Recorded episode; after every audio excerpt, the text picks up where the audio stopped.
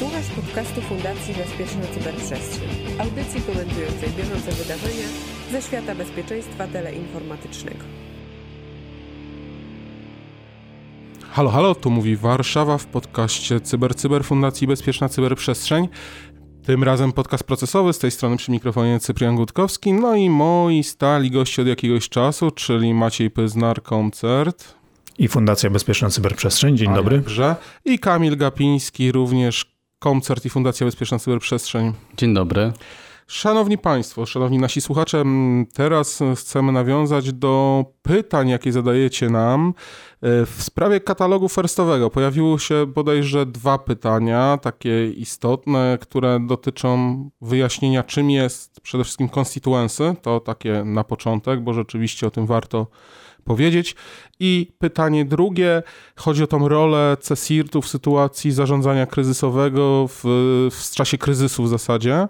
E, no i mam do Was prośbę, żebyście odpowiedzieli. To, na... to może najpierw powiedz czego dotyczyło to pytanie, no bo ten, którego, który zadał pytanie, to oczywiście wie, na czym ono polegało Ale pytanie czego dotyczyło. Miało, pytanie to była bardziej opis sytuacyjny, który mówił o tym, że no, bardzo istotną rolę ma CSIRT w sytuacji kryzysowej, ponieważ musi doradzać, ale oczywiście jeżeli spojrzymy w katalog usług właśnie firstowych, to tutaj nie do końca odnosi się do doradztwa, bo oczywiście taka, taka rola CSIRT-u istnieje, natomiast e, w tej sytuacji my mówiliśmy trochę o czymś innym i o zadaniach CSIRT-u w sytuacji kryzysowej, ale z innego punktu widzenia. Moim zdaniem, ja dalej będę do tego nawiązywał, jest to jakieś ustalenie własnego, najważniejszego działania, obszaru działania. No dobrze, dobrze. Chodziło o to, że uwaga e, naszego słuchacza dotyczyła tego, że e, jego zdaniem pomyliliśmy sytuację, w której w tej usłudze wsparcie zarządzania kryzysowego czy sytuacji kryzysowej e, mówiliśmy. My się odnosiliśmy do sytuacji kryzysowej, która jest poza e, jakby IT czy tam domen, mhm. domeną w ogóle teleinformatyczną.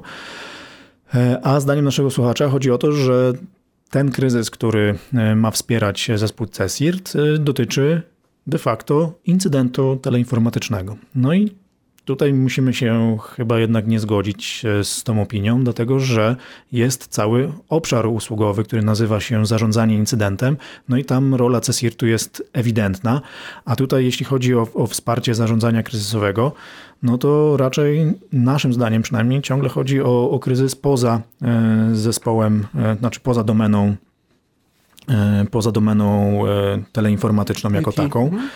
I, I to wsparcie ma być jakby w zakresie oczywiście teleinformatyki, ale przy ale okazji... nie poza informacją. Ta, tak, ale nie... Bezpieczeństwo informacji. Tak, tak. Dotyczy bezpieczeństwa informacji. Dotyczy bez, bezpieczeństwa informacji, ale nie w, w kontekście kryzysu, dotyczy, znaczy nie, nie w kontekście incydentu dotyczącego bezpieczeństwa tych informacji, tylko w kontekście Zagrożenia innym, bezpieczeństwa tak. informacji po prostu, ale nie w wyniku incydentu związanego z cyberbezpieczeństwem. No tak, tak by wynikało, dlatego że mamy tutaj trzy funkcje w ramach, w ramach te, tej, tej usługi. Pierwszą jest dystrybucja informacji do, i tutaj właśnie jest e, magiczne słowo constituents, które zaraz wytłumaczymy o, o, o kogo chodzi. Mamy raportowanie o stanie tak, cyberbezpieczeństwa. Tak, mamy raportowanie o stanie cyberbezpieczeństwa, no i mamy e, komunikację również decyzji strategicznych w rozumieniu takim, przynajmniej tutaj jest jako, e, jako wynik jakby tej funkcji, no informowanie o, o wpływach, o wpływie kryzysu na na operacje cesirtowe, tak? czyli to właśnie wynikałoby, że to nie dotyczy incydentu, tylko innego rodzaju kryzysu, który ma, może mieć wpływ na, na usługi, które świadczy e, CERT, to raz, i, i może mieć wpływ ten kryzys na bezpieczeństwo informacji e, w innym obszarze. No i tak mi się wydaje, że to chyba e, nie wiem, czy to zamyka, to oczywiście wiadomo, że można dyskutować, bo, bo jest kwestia tego, że no, chyba jednak no, nie wiem, czy to jest kwestia tłumaczenia, czy, czy, czy jest to tak napisane specyficznie, e, że jest to dość trudne do, e, do jednoznacznej interpretacji. Być może zostaje to jakieś pole mimo wszystko do tego, żeby, e, żeby to zrozumieć inaczej. To też na pewno jest jakaś nowość, tak? Bo rzeczywiście, ile było wsparcie ze CSIRT już w sytuacji incydentu tej kryzysowej opisane dużo wcześniej, umieszczone w usługach, o tyle no właśnie jest to, jest to ta nowość i dlatego być może pojawiają się dyskusję na, na, temat, co tak naprawdę chciał nam tutaj First przekazać. No tak, dokładnie. To, to może właśnie... Constituency teraz, tak? Constituency po prostu, yy, znaczy może i tak. Nie ma prostego tłumaczenia na język polski tego słowa moim zdaniem. E, no nie ma, bo, bo, to teoretycznie znaczy okręg wyborczy. To, to oznacza okręg wyborczy po amerykańskiemu. Tak. E, z tego co wiem, to te sirty poziomu krajowego używają tutaj słowa właściwość. Tak, właściwość, co jest dość charakterystyczne dla administracji, tak? bo e, jakby właściwość organu oznacza komu i w stosunku do kogo on może no jakby działać. państwowe. Ja jednak y, tak, ale obszar, obszar, obszar działania, działania, tak i to jest coś, co, co my stosowaliśmy. jest to zrozumiałe. Tak, to co my stosowaliśmy zarówno tłumacząc niekiedy e, e, katalog werstowy, jak i współpracując z naszymi klientami w kontekście tego, jakie potencjalnie usługi mógłby realizować zespół bezpieczeństwa e, w, w organizacji, no to używaliśmy właśnie terminu obszar działania. I to w obszar działania w rozumieniu... No dobrze, teraz czym jest ten obszar działania? No, no tak, bo to jakby można e, rozumieć albo definiować go jakby właściwie na trzy sposoby. Tak? E, pierwszy sposób to jest, e, można go zdefiniować w postaci takiej, że możesz wymienić podmioty na przykład, albo komórki organizacyjne z imienia i nazwiska, którym świadczysz te usługi, czyli jeżeli jestem CERT-em czy zespołem CESIRT wewnętrznym, to, to świadczę dla komórki, nie wiem, biznesowych jakiś, nie? plus HR, plus finanse, plus Opis coś tam, tak plus coś tam. Tak, tak dokładnie. Tak? Słowno-muzyczny. E, I tak samo mogę wymieniać podmioty zewnętrzne, jeśli jestem e, CSIRT-em, który świadczy usługi na zewnątrz, czyli na przykład świadczę spółce X, spółce Y i, i spółce Z. Tak? A na przykład mogłoby być, że świadczę z systemem X, systemem Z i systemem Y? Systemem w rozumieniu systemu teleinformatycznych, tak? tak? E, wydaje mi się, że możemy to doszczegółowić w postaci takiej, że możemy mówić, że dla e, organizacji takiej objęte usługą czy usługami certowymi są e, systemy X, Y no tak, ale te systemy bazują na jakichś urządzeniach, które już mają swój przypisany adres IP, tak? A to jest jakby drugi sposób definiowania constituency poprzez właśnie adresację, tak, ale zasięg. Wiecie, chodzi mi bardziej o to, że rzeczywiście mam w organizacji, mam przypisane teoretycznie już do organizacji, mam cudowną inwentaryzację zrobioną, ale okazuje się, że ta organizacja wcale nie chce, żebyśmy świadczyli w, każdym, w każdej dziedzinie, tak? Jako CERT tą swoją, swoje konstytuencje ograniczają nam te konstytuencje tylko i wyłącznie do danych kilku systemów. systemów. No to muszą taką adresację wskazać wówczas, tak? Czy tak, no to, musi o niej wiedzieć, nie? Tak, bo to jest to, co Kamil mówi, czyli e, no, jakby z technicznego punktu widzenia, czyli no, wskazanie konkretnych adres, zakresu adresacji, której dotyczy, dotyczą no tak. usługi. Bądź serwisów. Mhm. Dokładnie. No i jakby trzecie, no to można jakby całe systemy autonomiczne e, wskazać wraz z numerem, dla których świadczymy naszą usługę. To jakby można e, łatwo zobaczyć. Z tego co pamiętam, to jeszcze w załączniku do Narodowego Programu Ochrony Infrastruktury Krytycznej w, w części dotyczącej bezpieczeństwa, zapewnienia bezpieczeństwa teleinformatycznego jest przygotowana tabelka właśnie z wtedy e, istniejącymi zespołami CESIRT i, i ich konstytuensy w rozumieniu, tam było podane e, no, systemy autonomiczne, które, e, które oni obsługują. Mhm. No i to po prostu było AS numer i tutaj był numer podany. Taka ciekawostka jeszcze, jeżeli znają Państwo organizację, właściwie inicjatywę Trusted Introducer, to jest taka inicjatywa zrzeszająca certy europejskie, nie mylić tutaj z certami jakby zrzeszonymi przez organ Unii Europejskiej, to jest jakby inny, inny typ organizacji. Czy ciekawostka jest taka, że tam oczywiście możemy sobie wejść na stronę, jest e, słownik, gdzie możemy sobie pokategoryzować e, dane CSIRTy względem właśnie typu constituency. Możemy sobie tutaj zobaczyć, e, jakie mm, CSIRTy na przykład świadczą mm, swoje usługi dla nie wiem, obszaru infrastruktury krytycznej, dla mm, bankowości, czy dla na przykład sektora e, militarnego, tak? Tak, no przy czym trzeba zaznaczyć jednoznacznie, że to w jaki sposób opiszemy to, to konstytuensy, no zależy tylko i wyłącznie od nas, tak? Jeżeli posiadamy na tego typu e, precyzyjne informacje i co więcej jest nam tak łatwiej, to, to najlepiej na przykład zakresem adresacji IP. E, a to, to ma o tyle znaczenie, że jeżeli przychodzi do nas, bo trzeba powiedzieć, że to konstytuency y, po to się definiuje, żeby wiedzieć, czy my w ogóle mamy się zajmować jakimś incydentem, który do nas w cudzysłowie wpadnie. Tak? No bo jeżeli y, ktoś nam zgłasza incydent, no to pierwszą, czy zdarzenie, które podejrzewa, że jest incydentem, to pierwszą rzeczą, którą powinniśmy zrobić, to w ogóle, czy nas to dotyczy? Pytanie, powinna być odpowiedź. I to jest właśnie to konstytuencja. Jeżeli zdarzenie przychodzi do nas spoza konstytuencji, które obsługujemy, to w tym momencie nie wchodzimy na ścieżkę obsługi zdarzenia, tylko raczej obsługi informacji. Niekoniecznie, tak? bo jeżeli dotyczy naszego konstytuency, przykładowo przy zgłaszaniu podatności, no to już w tym momencie, jeżeli mamy rozpoznane danego rodzaju mm, sprzęt u nas w Tak, konstytuency, no to wtedy już... No tak, ale to inaczej. wracamy do tego, że to konstytucja musi być zdefiniowane, Tak. tak? No bo jeżeli ktoś zadzwoni do no, trochę niewygodną sprawę, w sumie ma, ma CESIRT e, naskowy, czyli CERT.pl, czy tam CESIRT.pl, przepraszam, już w sumie nawet nie wiem. Wszyscy wiedzą o co Tak.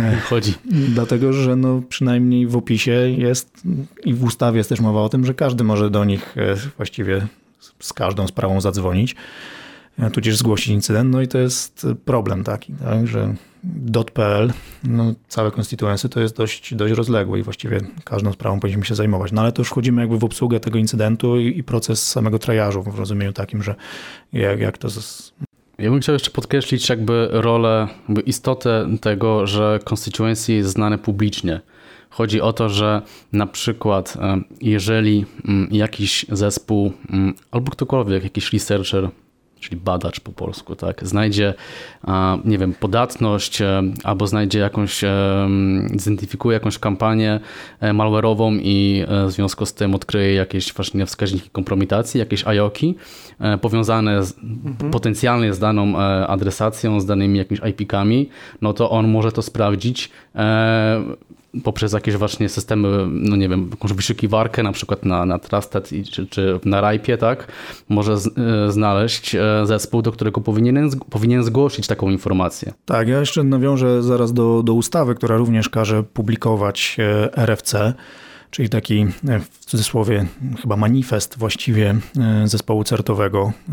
I tym RFC jest. 2350, tak? Tak, jest e, no, po prostu obszar, w którym należy zdefiniować Mhm. to, ten obszar działania danego zespołu. A ja tylko jeszcze wrócę do tego, co uży, bo użyłeś skrótu IOC, tak, a później się okazuje, że, my tak zamiennie go używamy czasami e, w, w naszych rozmowach i nikt nie wie o co chodzi. A Kamil powiedział wskaźniki kompromitacji, czyli po angielsku Indicators of Compromise, czyli IOC, Mhm. czyli właśnie w skrócie IOC albo IOC, jak ktoś czasami no, jak z, angliszy, z, ang, no, z angielskiego. Miejmy nadzieję, że 20 osób, które słucha naszego podcastu, identyfikuje ten skrót. Ale co- czekajcie, czekajcie, bo tutaj Maciek poruszyłeś e, właśnie RFC, natomiast nie każdy, bo to dotyczy podmiotu świadczącego usługi z zakresu cyberbezpieczeństwa, Tak. natomiast już komórki wewnętrznej to... Tak, nie muszą dotyczy. oczywiście publikować, dlatego że jest to komórka skierowana do wewnątrz. Tym niemniej i tak należy określić, czy nie wiem, wszystkie systemy w organizacji są, a co z systemami, które na przykład dostarcza nam ktoś z zewnątrz, tak? Czy to oznacza, że przy- e, incydenty związane z systemami dostarczanymi z zewnątrz albo outsourcowanymi są w obszarze działania takiego, czyli w konstytuencji takiego zespołu wewnętrznego, czy nie. No, dlatego to jest jakby istotne, żeby to, to określić. To jest w ogóle jeden z podstawowych punktów w, w tym, żeby wiedzieć, czym ten CESIR ma się zajmować.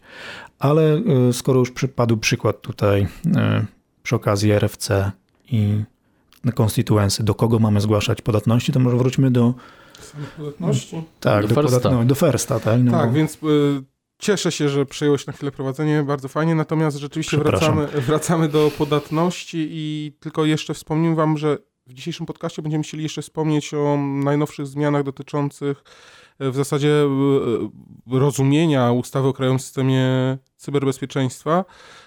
Tutaj jest pewne pismo z ministra, od ministra aktywów państwowych, które pozwala nam e, dowiedzieć się tak naprawdę o co chodzi z audytem. I, ale to na końcu, więc ci, którzy chcą z nami dotrwać, którzy się nie usną przy naszym podcaście, to będą mogli jeszcze dowiedzieć się trochę na ten temat. Także panowie, wracamy rzeczywiście do naszego katalogu usług firstowych i teraz przyszedł czas, żebyśmy omówili podatności, zarządzanie podatnościami i tutaj was proszę o, o to i jednocześnie dla Państwa też dostaliśmy uwagi, żebyśmy może bardziej omawiali pewnie poszczególne rzeczy. Nie wszystko naraz, nie tak chaotycznie, dlatego decydujemy się, że teraz właśnie w podcaście omówimy tą jedną, jeden, jedną usługę, natomiast Obszar usługowy, obszar tak. usługowy, natomiast w następnych kolejne, także proszę bardzo panowie, jeżeli jesteście gotowi, to oddaję wam głos co do zarządzania okay. E, No więc może tak na rozgrzewkę, jak w ogóle First um, rozumie zarządzanie podatnościami w kontekście e, zespołów certowych. E, Z jednej strony oczywiście e, definiuje poprzez wykrywanie własnych podatności e, we własnych sieciach, tak, poprzez no, proces skanowania podatności, który zazwyczaj tutaj jest realizowany wspólnie albo głównie przez zespoły IT. E, Następnie, następnie jakby ocena krytyczności wykrytych podatności, to jest e, ich- załatanie, to jest jakby jedna strona, gdzie CET może mm, brać aktywną rolę, gdzie jest jego też odpowiedzialność jakoś tam zdefinowa- zdefiniowana.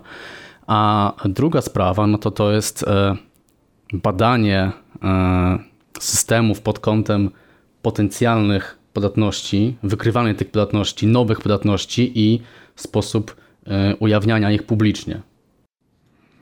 No Tak, jakby tro, trochę skróciłeś. tak, ale to, tak, żebyśmy nie szli od konkretnych, razu tak, dlatego, że- usługami, tak. Jakby dlatego, że jakby cały obszar jest, no, pokazuje jakby ciąg działania, które powinno być. Czyli najpierw musimy jakąś odkryć albo Mhm. zbadać, później jakby albo przyjąć z zewnątrz informację o tym, że, e, że, że w naszym systemie, w naszym konstytuencji, o którym mówiliśmy, jest jakaś podatność. No później musimy ją przeanalizować, no i skoordynować e, proces zarówno e, przyjmowania tych informacji, jak i analizy, no i później musimy prawdopodobnie, Mhm. no chyba, Ale że... właśnie zatrzymajmy się na tym przyjmowaniu. Co to właściwie jest przyjmowanie zgłoszeń dotyczących podatności? Na przykład my um, e, w jaki sposób e, jakbyśmy powiedzmy byli na, na chwilę wejdźmy w rolę CERT-u, nie wiem, jakiegoś, który obsługuje jakąś tam infrastrukturę, infrastrukturę elektroenergetyczną, wejdźmy w taką rolę, no to w takim razie kto mógłby nam taką podatność zgłosić? No przede wszystkim użytkownicy, tak? Więc e, takie raporty o podatnościach e, zgłaszają użytkownicy w rozumieniu takim, że albo zgłaszają złe działanie systemu, albo tak naprawdę my dużą część informacji możemy pozyskać w drodze jakby obsługi incydentu, tak? I to też jest jedna, jedno ze źródeł, tak? Że w ramach obsługi incydentu, który był u nas, okazuje się, że, że została wykorzystana podatność, której wcześniej albo nie znaliśmy, albo co więcej, znaliśmy, ale była nie, niezałatana i została wykorzystana. Więc e, to jest jedno z, e, z podstawowych źródeł. E, No i co z takim raportem zrobić właśnie, w sensie z informacją? To, to jest to pytanie, które... Co z takim raportem zrobić i czy to, co proponuje tutaj First w swoich funkcjach usługowych jest...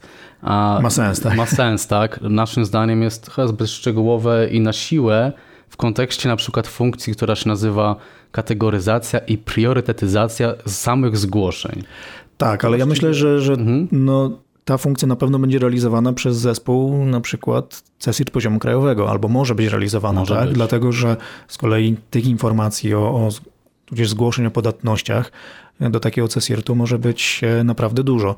I tutaj, e, tak jak e, sam zwróciłeś uwagę, jest funkcja, która mówi o, o discovery and research, czyli, czyli odkrycie jakby tej podatności w rozumieniu my sami odkry, odkryjemy, no albo zbadamy. Pytanie tylko właśnie, a właściwie nie tyle pytanie, wiadomo, że jest, że odkrywaniem podatności zajmują się raczej badacze albo na uniwersytetach, albo w firmach, po to właśnie, żeby ewentualnie w programach bounty, które też można, można prowadzić i, i takich informacji możemy otrzymywać potencjalnie dużo. Tak? W związku z tym sami musimy e, i zresztą tak się odbywa proces nadawania e, no jakby scoringu CVSS, tak? że sami musimy jakby zdecydować, które potencjalnie z tych podatności jest, jest najważniejsze. I wydaje mi się, że te, tego ta funkcja dotyczy, dlatego że później jest cała usługa, która mówi o analizie samej podatności. W tym momencie jest ponowny trajaż tego, czyli może doprowadzić do tego, że albo zwiększymy ten scoring, albo, z, albo zmniejszymy. Ten trajaż myślę już o krytyczności naszych systemów. Dokładnie on musi dotyczyć nas samych. Ja to rozumiem też w ten sposób, że załóżmy, jeżeli mamy, przejdźmy na te sterowniki, powiedzmy teraz w OT i znamy jakieś podatności dla sterowników, to teoretycznie powinniśmy to być może segregować pod względem znaczenia krytyczności danego systemu, danego sterownika, ale z drugiej strony bardzo często okaże się, że dla nas ważniejsza jest tych, których mamy największą ilość. Bo jeżeli nawet nam padnie jeden krytyczny, to gdzieś będziemy mogli odczytywać wartości z poszczególnych y, umiejscowionych w innych miejscach. No dlatego się nazywa analizą, tak? No, tak, bo, dlatego, bo... dlatego jest to ważne, dlatego mi się też wydaje, że akurat to jest całkiem, całkiem logicznie umiejscowione w katalogu usług y, firstowych. Nie no, jeśli chodzi o analizę, to, to niewątpliwie jest to cała usługa, która mówi o tym, że na, powinieneś najpierw przeanalizować właśnie znaczenie albo wpływ na, mhm. na twoją infrastrukturę danej podatności, no później zastanowić się, jakie są przyczyny wystąpienia tej podatności, czy to jest przyczyna w samym oprogramowaniu, sprzęcie, czy być może nawet w twoich procesach, które, e, które wpłynęły na to, że nie wiem, nikt nie pomyślał o tym, żeby zrobić coś. No i później musisz zastanowić się nad tym, w jaki sposób e, no, zminimalizować albo usunąć właściwie tę podatność, tak? I to, jest, to są jakby trzy funkcje w, w analizie i efektem tego powinna być właśnie informacja o tym, jak ważna jest y, albo jak istotna dla, naszego, dla naszej działalności jest y, dana podatność, co było jej przyczyną, no i ostatnim w jaki sposób wyeliminować zarówno przyczyny, jak i podatność. Tak? Więc to, to jest wynik, wynikiem analizy. No i później przechodzi do następnej usługi, która nazywa się koordynacją w rozumieniu takim, że na podstawie tych informacji, które otrzymałeś w procesie analizy, musisz zarządzić całym procesem tego, żeby e, no, czy użytkownicy, czy e, właściciele tych systemów, bo może się okazać, że nie jesteś w stanie tej podatności załatać, tak? bo akurat nie wiem, prowadzisz jakąś czynność na, na tych systemach. No i nie możesz ich zatrzymać. No, no i to, czy to wynika z umów, czy z samego procesu technologicznego, który nie może być, być wstrzymany. Z samego procesu mhm. technologicznego, to, to prawda. No i tutaj mamy później następną ciekawą usługę, czyli ujawnienie podatności. Tak? No właśnie. Um, teraz, jak już wcześniej weszliśmy w rolę powiedzmy jakiegoś tam CSIRT działającego dla sektora elektroenergetycznego, wejdźmy w rolę badacza, który jakąś podatność odkrywa. Powiedzmy e, jakąś nową podatność webową, podatność w urządzeniu mobilnym, jakąkolwiek. Właściwie to co najpierw powinien zrobić, tak można sobie dywagować. Komu, kogo, kogo najpierw powinien poinformować? No już powiedziałeś, sprawdza w RFC, czyje to jest. Właśnie nie do końca. A vendora nie powinien najpierw poinformować? No właśnie, to są takie, to nie jest takie, to właśnie nie jest takie proste do jednoznacznego sklasyfikowania. Pytanie, kim jest badacz? Wydaje mi się, że tak. czy z NSA, czy, czy, czy z innego. Bo tak? możesz wykryć podatność właśnie na, na, na, powiedzmy na stronie, ale która podatność jest znana, ale po prostu ją wykrywasz i informujesz TESIR, który obsługuje gdzieś tam o stronę bezpieczeństwa daną stronę internetową, ale możesz też nową podatność znaleźć przecież, której nikt wcześniej nie wymyślił i wówczas powinieneś się zgłosić, tak? Do kogo? Do vendora pewnie. No dobrze, ale to chyba w ogóle jest inny temat no, zarządzania. Bardzo i... ciekawy. Nie, no bardzo ciekawy. I Ferc o tym mówi, bo właśnie tutaj mówimy o vulnerability disclosure. Ujawnianie informacji o podatnościach. Tak, tylko że tutaj mówię o usłudze jakby firstowej e, i w opisie możemy przeczytać, że to jest e, ujawnianie albo dystrybucja właściwie informacji o znanych podatnościach do członków naszego konstytuency. Ale tak? zwróćmy uwagę na to, że tak naprawdę to spoczywa obowiązek już na badaczu, tak, który gdzieś tam powinien się zachować w jakiś określony sposób. Najczęściej jest to tak, że po prostu rzuca tą informację w świat. Tak? No nie najczęściej, no ale dobra, mniejsza z tym, bo, bo, bo, bo Na jego etyce. Tak, tak ale pracy. wydaje mi się, że zboczyliśmy trochę, tak, bo okay. my tu mamy katalog usług dla zespołów bezpieczeństwa, tak? a nie dla e, kod, jakiś kod praktyki czy, czy e, zachowań dla, dla badaczy. Tak? Dobrze, to tylko jest że zupełnie inna sprawa. E, okej, okay, ale no już taki super jakby zespół, na przykład poziomu krajowego Maćku, wydaje mi się, że prowadzi również własne, własne badania na systemach, nie? I tutaj nie jest do końca tak, że okej, okay, cert biznesowy taki, czy SOC, powiedzmy, że raczej tego nie będzie robił, ale jakby, nie wiem, cert poziomu rządowego, czy jakiś cert MIL na przykład, który powinien szukać podatności w systemach e, wojskowych. No tak, ale w tym momencie nie będzie mowy o disclosure, moim zdaniem. No być może będzie.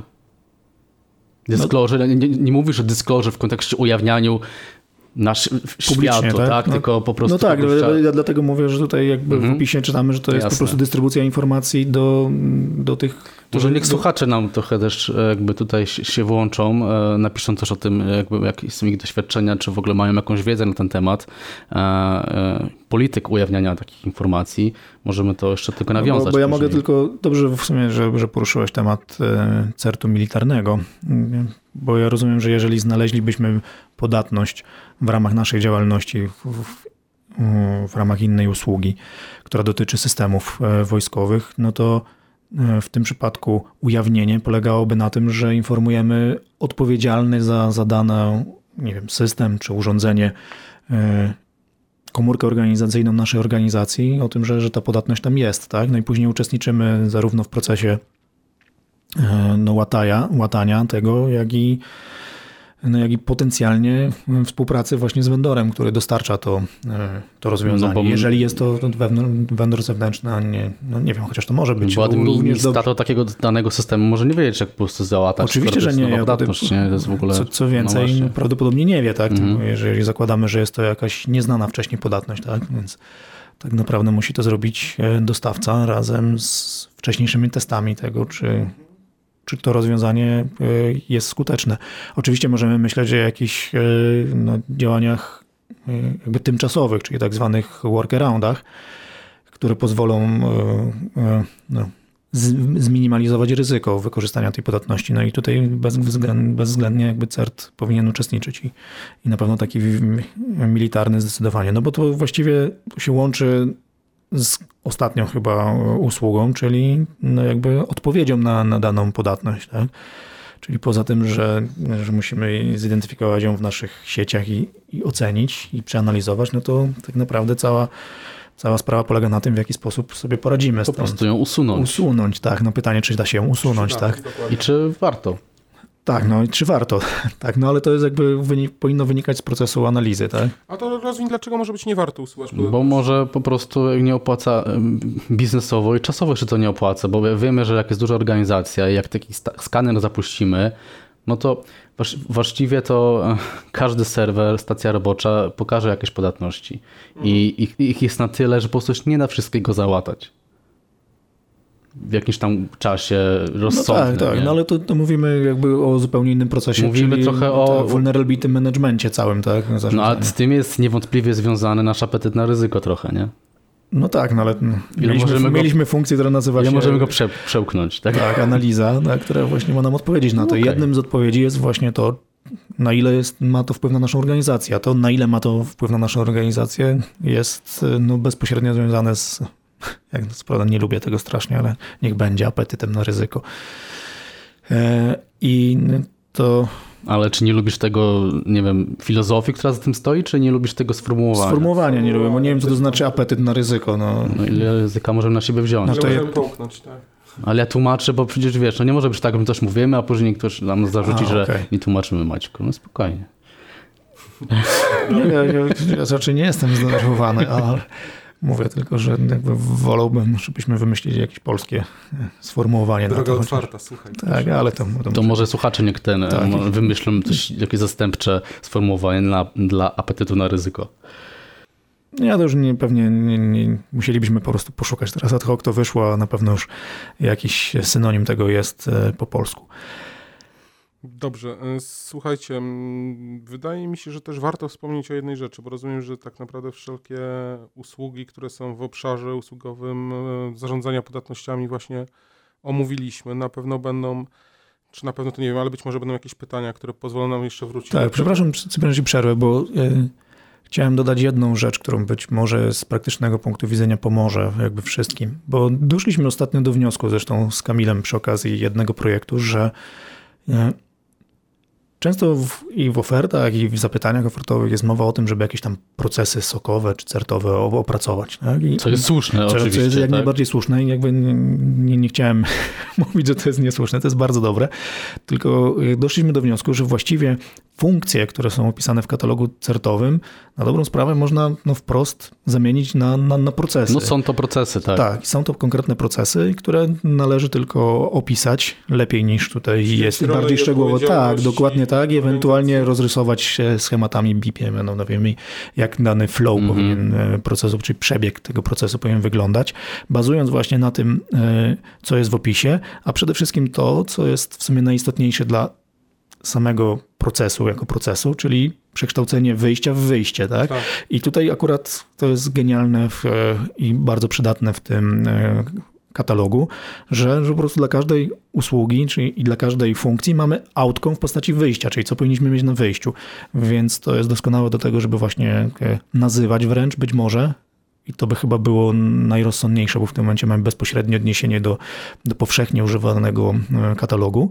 No jak i, jak i prosty opis tego, co powinniśmy mieć na wyjściu, łatwiej to No tak, zrobić. to już nie musimy klientów Tak. informować o tym, bo sobie posłuchają w podcaście w takim razie. Odważnie Jak- jak metodyka nasza będzie wyglądać. głównie konsultanta. To się wytnie w takim układzie. Nie, ja w ogóle uważam, że, że więcej się powinno w ogóle mówić o metodykach publicznie To prawda. i się tego nie wstydzić i tak dalej. I Tak, no bo co, czym innym wiedzieć, e, jak Zwłaszcza, to zrobić, a później wiecie, to, to- to zrobić, tak? I No, my wiemy, jak to się robi, więc to jest taka No kwestia, tak. że wy wiecie, jak to się robi, więc możecie to to zaproponować. ja, do- ja myślę, że każdy z słuchaczy wie e, teoretycznie przynajmniej jak ścianę pomalować, tak? I wydaje się to łatwe, po czym jak chwyta zawałek i ten, to się okazuje, o kurczaki, chyba jednak e, nie zagruntowałem, albo zagruntowałem źle, albo ja nie coś mi malowałem ścian na przykład nigdy i myślę, że też bym poległ na pierwszy, raz. No, mimo, że świadomość. mimo, że teoretycznie wiesz, jak no, to zrobić. biorę Tak? wałek i maluję, tak? No. Ale, ale, no. No właśnie, więc ja, ja wielokrotnie malowałem ściany i e, czasami mi wyszło idealnie i miałem wtedy plusa, no ale czasami tutaj jakiś purchel wyszedł, tu coś nie wyszło i właściwie nie wiem, dlaczego tak się stało. Okej, wspomnijmy jeszcze tylko o tym, że pojawiła się wersja 2.1 tak naprawdę katalogu usług firstowych e, i będziemy nad nią przysiadać i bardziej ją e, zgłębiać, ale to kolejne podcasty. Mhm. Natomiast teraz obiecaliśmy wam, że wrócimy do tak naprawdę pisma ministra aktywów państwowych, który wypowiedział się na temat tego, jak należy rozumieć audyt z artykułu 15 ustawy o Krajowym Systemie Cyberbezpieczeństwa e, oraz czym tak naprawdę jest sprawozdanie z audytu, mm, który właśnie jest wymieniony w tym Tak, zresztą w artykule. naszych podcastach już też mówiliśmy wielokrotnie o tym, że, że właściwie jest problem pewien z interpretacją e, tego przepisu, bo, bo z jednej strony jest wymaganie stworzenia systemu zarządzania bezpieczeństwem w systemie informacyjnym wspierającym świadczenie usługi kluczowej, no a z drugiej strony w artykule 15 jest wprost mowa o tym, żeby przeprowadzić audyt bezpieczeństwa systemu. Dla jasności Tak. robi go, znaczy do tego musi doprowadzić właśnie operator usługi kluczowej, tak? Zgodnie no. z ustawą. A z kolei y, lista certyfikatów, które uprawniają do tego, żeby przeprowadzać takie audyty, raczej sugerowała, że są to audyty systemu zarządzania, jednak, a nie z systemu, y, a, a nie samego y, bezpieczeństwa systemu w rozumieniu nie wiem, pentestów czy czegokolwiek innego. No i y, te pytania pojawiły się, dlatego że zbliża się jeden rok od, od wydania decyzji. Mhm. E, I oczywiście mam na myśli e, obszar, a właściwie sektor, który nazywa się energia, bo minister energii mniej więcej w kwietniu e, zaczął wydawać te decyzje. E, Bankowy już minął. Tak, bankowy już minął. No i pan minister e, aktywów państwowych, e, nowy minister aktywów państwowych, Ministerstwo Energii zniknęło z, z firmamentów dziejów. Nie wiem, czy to nie przesada, ale e, w Na każdym razie czas być może. Bez polityki, panowie. No, mówimy o faktach, no zniknęło ministerstwo, tak? Pojawiło się Ministerstwo Aktywów Państwowych, które e, jakby dział energetyka czy energia ma, ma, ma w sobie. E, Teraz, no i pan minister napisał w wytycznych właściwie takich. Które nas Krótkie. ucieszyły. Już, Tak, w sumie nas ucieszyły, tak, bo, bo jakby to potwierdziło, ale to zaraz o tym powiemy, co, co już myśleliśmy wcześniej. E, Odniósł się właściwie do sprawozdania, dlatego że w artykule 15 ustęp 5 jest mowa o tym, że właściwie operator usługi kluczowej po audycie, czy audytor spra- robi sprawozdanie, które na wnio- uzasadniony wniosek organów wymienionych później, czyli dyrektor LCB, sam organ właściwy, jak i szef ABW, no, mogą otrzymać. No i pojawiła się właśnie jakby rozbieżność, czy to sprawozdanie, jaka jest jakby zawartość tego sprawozdania. No i pan minister tutaj w swoich wytycznych stwierdził, że, że należy utożsamiać sprawozdanie, o którym mowa właśnie w artykule 15 ust. 5 z po prostu z raportem, raportem. z raportem z audytu. Czyli wychodzi na to, że, że jeżeli dyrektor RCB albo organ właściwie poprosi o takie sprawozdanie, to znaczy, że właściwie powinniśmy mu dać raport całość. No i to pewnie nie są zadowoleni wszyscy e, operatorzy usług kluczowych, dlatego że no, pewnie nie chcieliby się ze wszystkiego spowiadać e, ministrowi, a sprawozdanie jakby sugerowałoby, że e, za, za, zakres właśnie decydujemy. informacji przekazywanych jest no, wę- Kontrolowany. węższy. Tak? Kontrolowany, doskonale. Tak. Szczerze powiedziawszy, myślę, że teraz pojawią się dwa sprawozdania. Jedno sprawozdanie wewnętrzne i sprawozdanie dla pana ministra. Tak? Chociaż teoretycznie, zgodnie z tym pismem, e, e, co do treści powinno Lepiej być nie sugerować tak? tego. To bo- znaczy, ja powiem inaczej. Rzeczywiście z punktu widzenia prawnego to wygląda tak, że przekazuje to operator usługi kluczowej, a nie tak naprawdę ten dokonujący audytu. Tak. Dlatego może to robić komórka wewnętrzna i pewnie stąd jest ten zapis, więc rzeczywiście może się okazać, że to wcale może być zupełnie inny raport niż ten, który przygotował audyt. No dobrze, ale o okej. czym ma być ten audyt? O Słuchajcie. czym ma być ten audyt? I właśnie tutaj jest to Tak, pytanie... właśnie to chyba nawet to jest no, clue. jest chyba nawet fajniejsze. To może ty powiedz, Cyprian. Znaczy fajniejsze, dobrze, to, to ja powiem... Czy to ma być pentesty, Cyprian? Nie, to nie. Wa- Właśnie chodzi, chodzi o to, że to jest dla nas fajniejsze w rozumieniu takim, że no, przeprowadzamy te audyty i sami się Sami się na tym dużo zastanawialiśmy i zdecydowaliśmy się na pewne podejście. Otóż zdecydowaliśmy na to, że będziemy odnosić się do ustawy i do ustawy zmapujemy wymogi normy ISO 27001, jak również ciągłość działania 27301. Dlatego y, u nas y, najistotniejsze było zrozumienie tak naprawdę, jakie wymogi są ustawowe i jak czytamy w piśmie y, od ministra aktywów państwowych sprawozdanie z audytu bezpieczeństwa systemów informacyjnych wykorzystywanych celem świadczenia usług kluczowych powinno odnosić się do wymagań bezpieczeństwa opisanych w artykule 8 ustawy. Czyli tak naprawdę rzeczywiście jest to praktycznie rzecz biorąc audyt ustawowy, tylko tyle, że nakładamy na niego jeszcze normy, aby dokładnie... Jako kryterium pewne, tak? Tak, właśnie, czyli brawo my.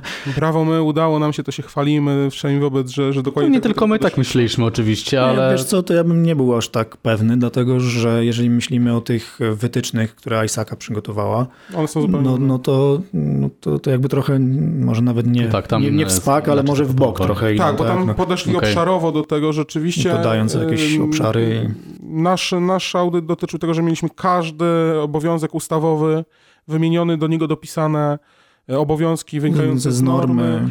I to tak tworzyliśmy raporty, więc rzeczywiście tutaj w zupełności zgadzamy się z tym, co tak naprawdę napisał minister aktywów państwowych. Tak do tego też podchodziliśmy i tak to rozumieliśmy, mimo długich dyskusji rzeczywiście na ten temat, czego to może dotyczyć, bo nie było to sformułowane wprost i można było debatować, natomiast teraz chyba już wszystko jest No, jasne. tak, no przynajmniej w sektorze energii. Energii, tak? tak. Teraz to jest pytanie, jak podejdą do tego inne organy właściwe, a być może, ale mogą podejść inaczej? Mogą. no tak, no minister energii jakby Okej, bo to jest... się w ogóle zastanawiam, czy minister właściwy. energii mógłby dokonać tej interpretacji przepisu, bo właściwie interpretacji przepisu dokonuje organ, e, który jest właścicielem ustawy, każdym tak? razie, w każdym A jest to minister wiemy, cyfryzacji.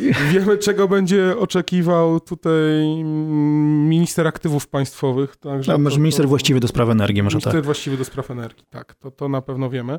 No słuchajcie, to chyba będzie na tyle, bo też rzeczywiście to długi podcast nam wyszedł. Jeżeli macie do nas jakieś pytania, to jak najbardziej em, zwracajcie się do nas, postaramy się odpowiedzieć.